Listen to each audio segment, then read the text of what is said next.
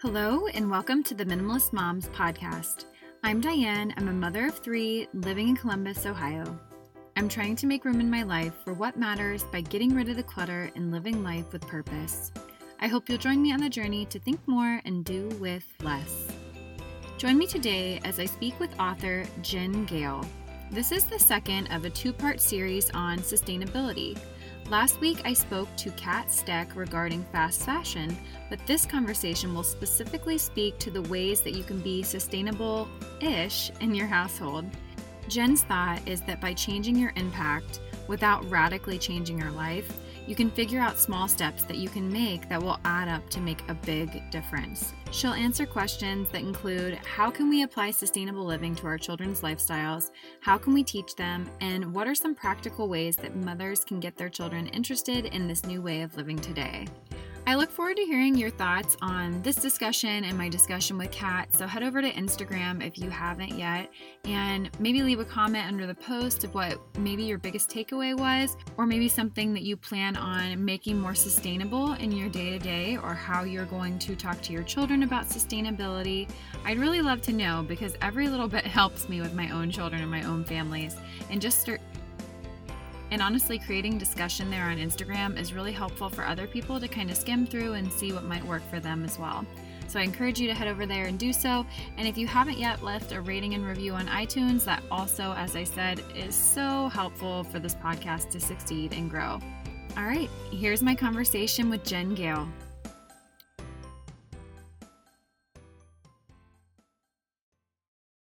Jen, thank you so much for joining me today on the Minimalist Moms podcast. Thank you so much for inviting me. Really excited to be here. Yes, I I'll be honest, I struggle a little bit with sustainable living, so I cannot wait to just hear the tips and tricks that you have for our listeners and hopefully I can gain some insight as well. But before we get into all of that, I would love it if you could just introduce yourself and maybe tell listeners what it is that you do. Cool, yeah, of course. Uh, my name's Jen. I live in um, Wiltshire, which is southwest of England in the UK. Uh, it's kind of between Stonehenge and Bath. They're usually two um, sort of spots that people uh, can relate to or recognise um, within the UK. So that's where I am. I've got two kids who are 11 and 9, both boys. And I run a social enterprise called Sustainable Ish, which is all about helping people get started, um, sort of making some nice, easy, um, sustainable changes. Yeah, great. And that's the thing. I think that sometimes we have this perception that we need to only have all of our trash fit into a glass container. I've seen that before. And so yeah. I, I think when we see things like that, it just feels a bit out of reach and so then we don't make any changes so i'm definitely looking forward to like i said just hearing how we can make this more accessible for the everyday person but i also wanted to just touch on you and i guess do you consider yourself a minimalist because i would perceive sustainability as a minimalist concept yeah, no, I, I would love to be a minimalist. look around my house and sadly I'm not. Um, I don't know how you do it with kids. I just they have this kind of magpie attraction to stuff, don't they? And that was one of mm-hmm. the things mm-hmm.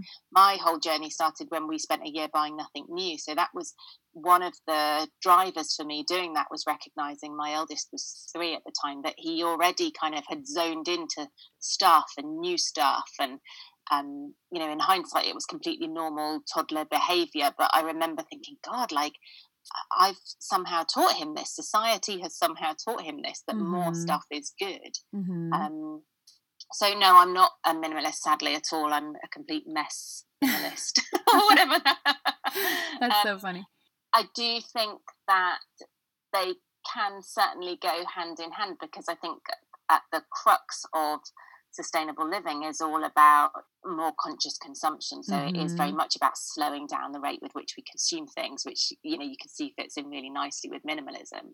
Yeah, absolutely. And that's yeah, that's what I was saying. I definitely think it has minimalism woven into it because if we are not if we're intentional about the things that we're bringing into our home, we're automatically going to produce less waste or trash. Yeah. What yeah, so I, I I see that for sure. Well, what prompted your initial interest in sustainable living? Were you always conscientious of the environment, or was this something that happened more in adulthood? I guess I always thought I was pretty green. Like I used to do my recycling quite mm-hmm. diligently. Um, and I think, I guess that's where I thought my responsibilities ended, if you like. I think I was vaguely aware. Um, I mean, this was eight or nine years ago. So I was, you know, vaguely aware of um, climate change, as mm. we still called it then. And I was, um, you know, vaguely aware that there were probably some issues with you know cheap fashion and things like that but i think i just assumed that um, it must be okay because it was it was happening and if mm-hmm. these things were a really big problem then the government would be on it or big businesses would be sorting it out and they couldn't um, be doing things that would be detrimental to the people in their supply chains because people would you know that that, that wouldn't be allowed to happen and then like i said we spent this year buying nothing new which was quite a a sort of random and slightly naive um, decision in mm-hmm. that I just thought oh, it'd be, be, a bit of a fun, interesting thing to do. And it really sort of forced me to confront all these issues and to join those dots because I hadn't done that really, to join the dots between what we were buying and the impact it was having on the planet and to to face up to sort of fast fashion and the realities of it and to think more about um, again this this joining the dots between what we buy and what we throw away. Do you know, mm. I sort of just hadn't thought of that at all. Mm-hmm. Um, so it was a really eye opening year, that's for sure. Yeah, there's definitely. I I wanted to do that this year, and then everything kind of the world turned upside down a little bit. but that was my initial plan going into the year. But all that to say, even in that first month, I was seeing you have to be so intentional when it comes to your mm. purchases. And I think that maybe that's not as convenient or it feels not as convenient. Yeah. I'm sure if you get into habits, it becomes a lot more, I guess, it, a lot easier. But yeah. I would say that even just with buying my daughter a new new snow boots it was like oh yeah. she doesn't need to buy those new she can find them on facebook marketplace and maybe someone in the mm-hmm. neighborhood has those so it's just you might have to not just go onto Amazon and do a quick two day yeah. send. You might have to take a little bit more time, but I think that once you get into those habits, it does make it easier. But I'm, I'm not going to make it look like I don't ever use Amazon because I definitely do. You know, that's where the kind of ish comes in, I guess. Yeah, and, and you're yeah, completely yeah. right. It's like it is that convenience and that sort of knee jerk um, I don't know, I'd be like, you know, doing the supermarket shop and just mm-hmm. sort of mm-hmm. browse the clothes and chuck in a couple of t-shirts because they were only, you know, they were cheap and the kids might like them and stuff. And and it's, I think we've become so used to convenience being king mm-hmm. and to being able to get everything we want next day at the click of a button, really cheaply, um, and and we don't just stop and think anymore. And I think that was my biggest well, one of the biggest things I learned from that year was that just that stopgap. You know, the mm-hmm. fact that I mm-hmm. couldn't get it immediately mm-hmm. made me have to be much more intentional about what I was buying. You know, yeah. made me have to think, well, do we actually need this? Can I borrow it from somebody? Can um, can we make do with something we've already got? And you know, nine times out of ten we could, and and you know, we didn't need it. I think, like I say, we've we've become so used to this cycle of consumerism that it's our instant reaction to everything mm-hmm. and our mm-hmm. instant reaction to everything is to, to go on to amazon because it's we know it's going to be there it's going to be cheap it's going to be easy mm-hmm. um, but actually i was do, i've just um, finished i was doing a six week course with a group of people um, sort of you know helping them to be a bit more sustainable and, and didn't mention anything about amazon at all but they kind of really interestingly several of them came to you know with this realization that they were especially during COVID, you know, like getting everything. Oh, I need that. Just straight. Mm-hmm. The default setting was to go to Amazon, but actually, and and it's not that they'd completely stopped using Amazon by the end, but it wasn't their default. Mm-hmm. So they'd stop and think, okay, I need this. Where else can I look first? Yeah. And then if they couldn't get it from somewhere local or from, um, you know, somewhere a bit more ethical or whatever, then then they'd look to Amazon. And I think it's allowing ourselves that being gentle enough with ourselves that it doesn't become this really um, thing that we become resentful of that makes our lives much more difficult. Yeah, yeah, it's the whole instant gratification that you mm.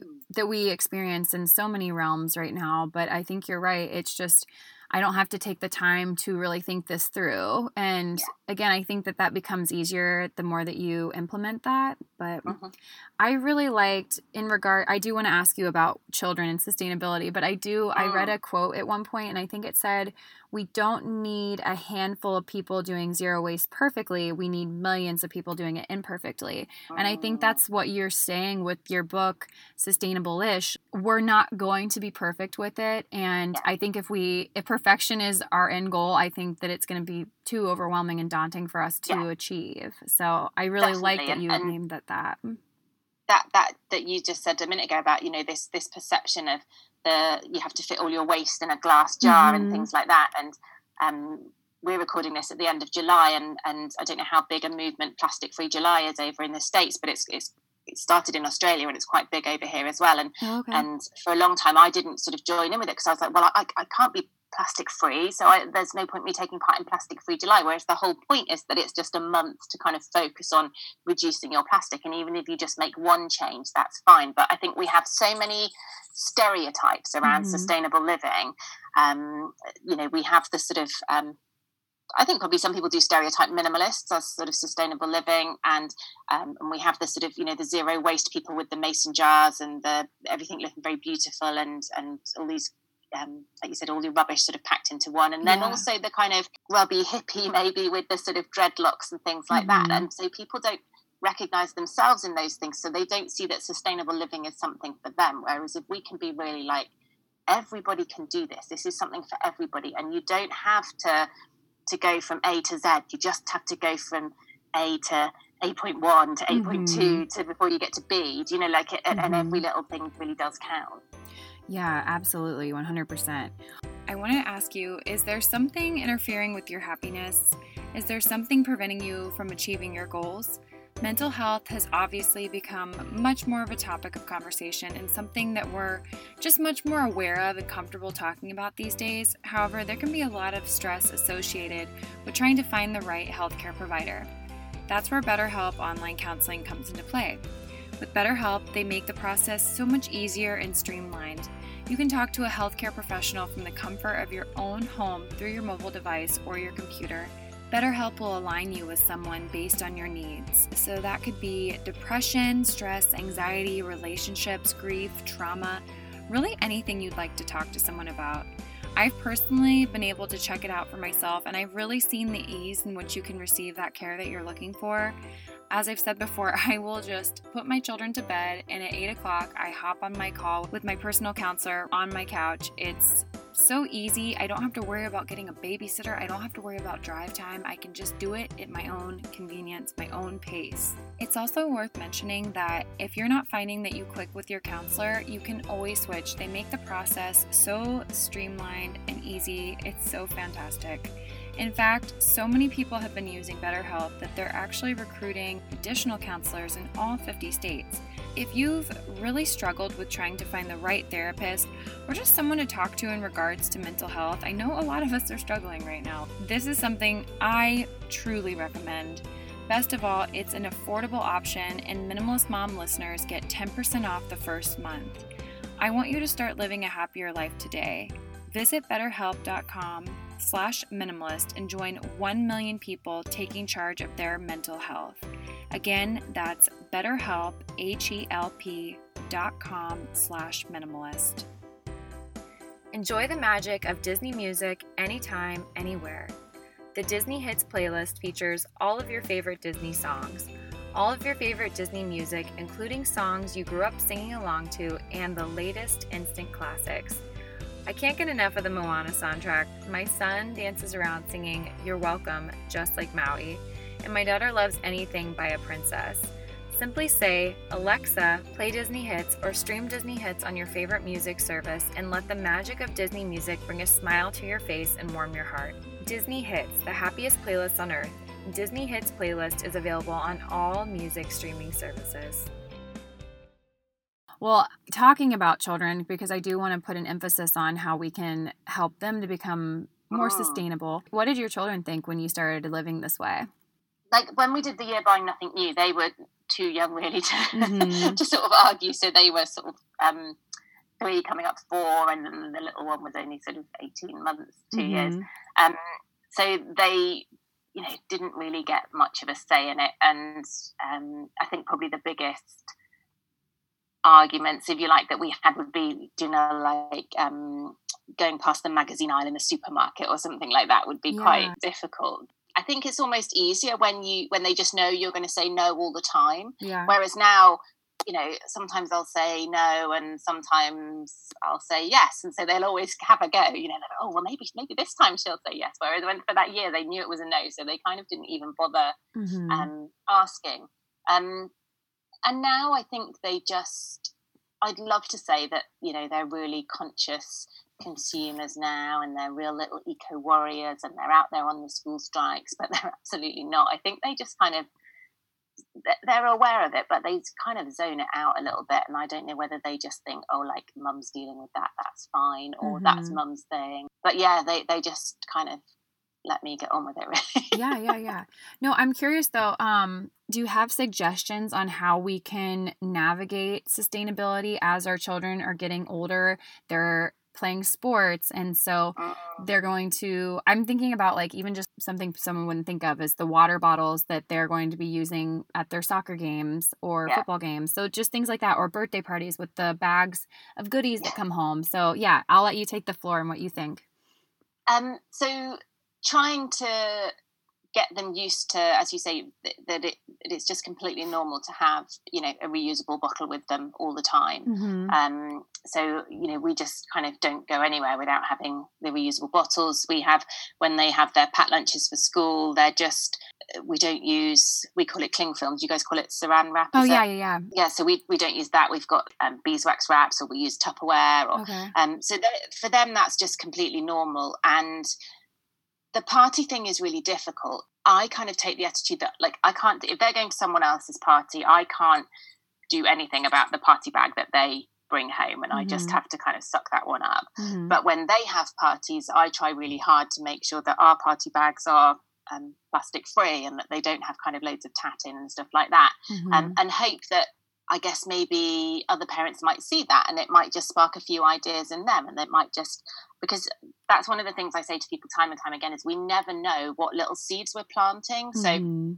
I think it's really important that we share without being kind of um, preachy and overbearing but you know social media is great for this so you can just go onto your facebook page or whatever and say oh guys look i've just um you know i've been searching high and low to do plastic free party bags and look what i found mm-hmm. um and nobody might reply mm-hmm. um, and, and it might look like nobody's seen it but you just never know if a friend's gone oh gosh party bags i'd never even thought about party bags and mm-hmm. then might come hopping up to you in three months time and go oh, saw what you'd done look what we've done as well and and all the time it's just kind of these little it, it is just like dropping a pebble in a pond and these little ripples spreading out and the more normal we can make it the more um, you know, it's really important that we do it in a way that people don't feel attacked and judged. But if we can share our enthusiasm for the simple swaps and things that, that we've made, and just like, wow, isn't this amazing? Or I, I found this stat and I didn't know about this. Mm-hmm. Um, then it, I think it does just help other people to think, oh wow, like, well, she's not a complete weirdo and she can do it, so mm-hmm. maybe we can do it as well. Mm-hmm. No, that makes a lot of sense. I'm trying to think of for clothing for my kids, we oh. have done so many hand me downs or we borrow yes. from friends. And I feel like that's a great way to yep. consider the environment and your envi- environmental footprint. And I wouldn't, again, I don't want people to think that I'm some really green individual. These are just very simple ways that yeah. I think you can implement this. And like we said, it doesn't have to be perfect, but it, our mm-hmm. collaborative yeah. impact has a huge impact as opposed to just if we were to do it perfectly. But I'm trying to think, yeah. what are other areas that we can be more sustainable when, when we consider our children? So clothes is a really, really big one. The fashion industry, I think, has a similar greenhouse emissions to um, aviation to the air industry so when we think about clothes you know that's something that we can we all have to wear clothes so mm. it's something we can all have a, an impact on and absolutely secondhand is always going to be a better choice than new because you're keeping those resources in use so you know and i think for clothes as well because kids grow so quickly you know mm-hmm. it, it, mm-hmm. can be really easy to find really lovely secondhand stuff that's been barely worn mm-hmm. over here there's a growing number of rental things for clothes, especially for yeah. tiny babies and sort of up through toddlers and things. So you can kind of rent a bundle, and then when they've grown out of that age group, you send it back, and, and then you get the next bundle up, mm-hmm. and those clothes are reused with by by that um, mm-hmm. organisation. So that can be really great. And then things like toys as well. There's um, an organisation. Um, I think it's just UK based at the moment called Whirli, which is W H I R L I, mm-hmm. um, and it's um, like a toy rental thing. So you you That's subscribe so cool. every month and you get a certain number of tokens, and the kids can pick the toys they want. They arrive, they play with them, they get bored, and instead of them then sitting around cluttering your house up, you send them back and they get to pick the next new mm. toys that they want. So they can get this sort of constant cycle of, of new toys and the excitement of them, or new to them toys and the mm-hmm. excitement of them. And then once they're inevitably kind of bored of them, you can send them back. So there's so many great initiatives like that starting up. Mm-hmm. Um, so, you know, keeping your eye out for things like that is great.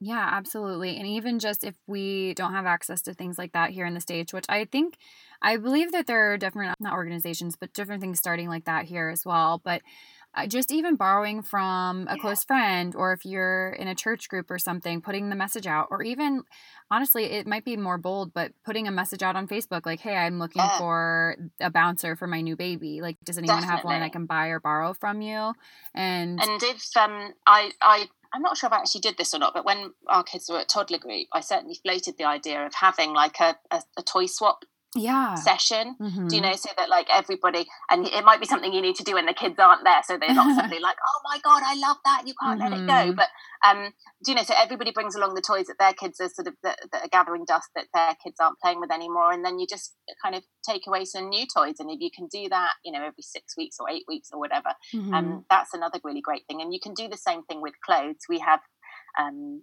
when it's not COVID, like swishing parties, mm-hmm. which is mm-hmm. just a posh name for clothes swapping parties. And you can do them for grown ups, you can do them for kids. And mm-hmm. you know, just a brilliant way of keeping these resources in use and actually making sure that you're passing them on to someone who's going to use them. Because when we send stuff to the charity shops, especially clothes, if they're not in particularly great condition or they don't think they'll be able to sell them, they just kind of um, they end up getting exported to developing countries, and these they're just being left to rot because mm-hmm. these developing nations are just overwhelmed with them as well. So mm-hmm. when we're mm-hmm. passing stuff on directly to people within our community, we know that they're um, sort of staying in use as well. Mm-hmm. Absolutely. When I was 19 i was on a trip to africa i did some mission work over there and it was crazy the children there were wearing whoever won the super bowl that year they were wearing the opposite because they i guess right. they make shirts yeah i was just like oh my gosh it, it, just put into perspective this stuff does go somewhere just because you don't see where it goes doesn't mean it's not going somewhere cluttering someone else's space or mm. sitting in a landfill somewhere oh it's just really hard and overwhelming when you think about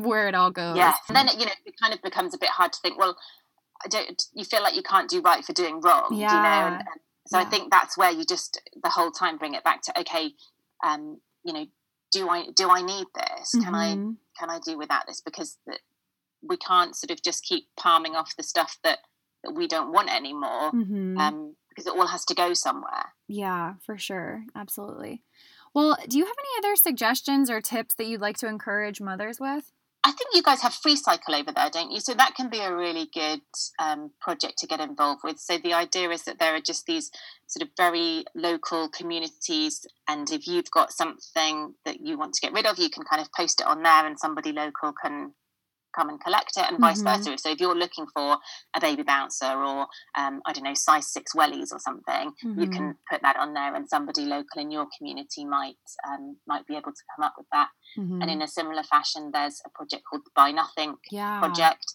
Um, and they have groups. It started in the states, and they have groups all over the states and all over the world now. And they're sort of Facebook based. And again, you can um, uh, post wanteds and um, you know post the stuff that, that that you don't want anymore. And I think they're really great for for all the ordinary stuff, but also the things like, you know, you've opened a tin of paint and it was the wrong color, or you've opened yeah. a big sack of dog food and the dogs don't want, the dog's turned its nose up at it, and things mm-hmm. like that. Mm-hmm. Um, so they're really, really great and a, and a really nice way of making connections within your community as well. Uh huh. Absolutely. No, that's great advice. I love that. Well, where can listeners find you and grab a copy of your book if they're wanting to connect more? Yeah, so the website is um, asustainablelife.co.uk, and I'm at sustainableish on pretty much all the social media channels. The book is um, the Sustainableish Living Guide, and it's it's available. I'm like going to say Amazon now. um, it's available, um, you know, online really widely. But I would always say to people, you know, check with your local independent bookshop, um, mm-hmm. especially at the moment. Lots of local independent shops are really struggling, so check with them and see if they can order it in for you or if mm-hmm. they have a mm-hmm. copy. Um, you know, when libraries open up again, check with your library and things like that. But it, yeah, it's on um, it's on Amazon and it's on Audible and it's um, Kindle as well. Um, but yeah, do support your local independents if you can. Yeah. Oh my gosh, 100%. I was going to ask you if it was on ebook. Just, I have a tangible copy of it and I've really loved going through it. And it's very, you don't have to sit through and read it all at once. I feel yeah. like you have it divided in, by different topics, so that's really helpful too. So that, that's the you know, so you can kind of dip in and out, and it's yeah. not so overwhelming. Like, oh my god, I got to do all yeah. these things now. Yeah, yeah, for sure. So great. Well, as we wrap things up here, I'm going to ask you the two questions that I ask every guest, and the first one is, what is something that you're simplifying right now, aka, what is your minimalist moment of the week? I am trying to simplify the admin side of my of my business of my social enterprise i think I, i'm not a details person. I'm quite sort of big picture and i get bogged down in my inbox and um, mm-hmm. um, all the sort of organization details. So i'm really trying to simplify that at the moment. Yeah no it's funny whenever i ask that question a lot of um, either small business owners or female entrepreneurs that's always their answer that they're trying to simplify the admin side. I think that is so overwhelming and it can just feel like how do we minimize and condense this area and just like streamline some of these decisions so you're oh. not the first person that said that um, well my very last question for you is what is something that you can't stop talking about probably a massive cliche but it is um, sustainability definitely online like mm-hmm. it's you know I, I kind of bang on about it a lot i think i'm i'm much more reticent with friends and family in real life because I don't want to be like that person who everyone's sort of rolling their eyes at and like, oh my god, here she goes again. But um, I'm just really passionate about the fact that it it doesn't have to be hard. It doesn't have to, you know, you don't have to go vegan. You don't have to. It doesn't. You don't have to kind of go to the extremes, but mm-hmm. that that shouldn't stop you from starting. Like you said right at the very beginning, that that, that these um, stereotypes or these ideas that we have stop us from starting, and that actually do you know um, there's another quote that i love which is like imagine if 8 billion people thought they could make a difference like mm. wow mm-hmm. um, because that's another thing i think that stops us getting started is we think well what's the point like it's just little old me and how on earth am i going to change anything but imagine if we all thought that we could um, mm-hmm. um, and just by taking that first step and i think if um, and that's often the hardest steps if we can get people over that first hurdle and just to start doing you know do one thing mm-hmm.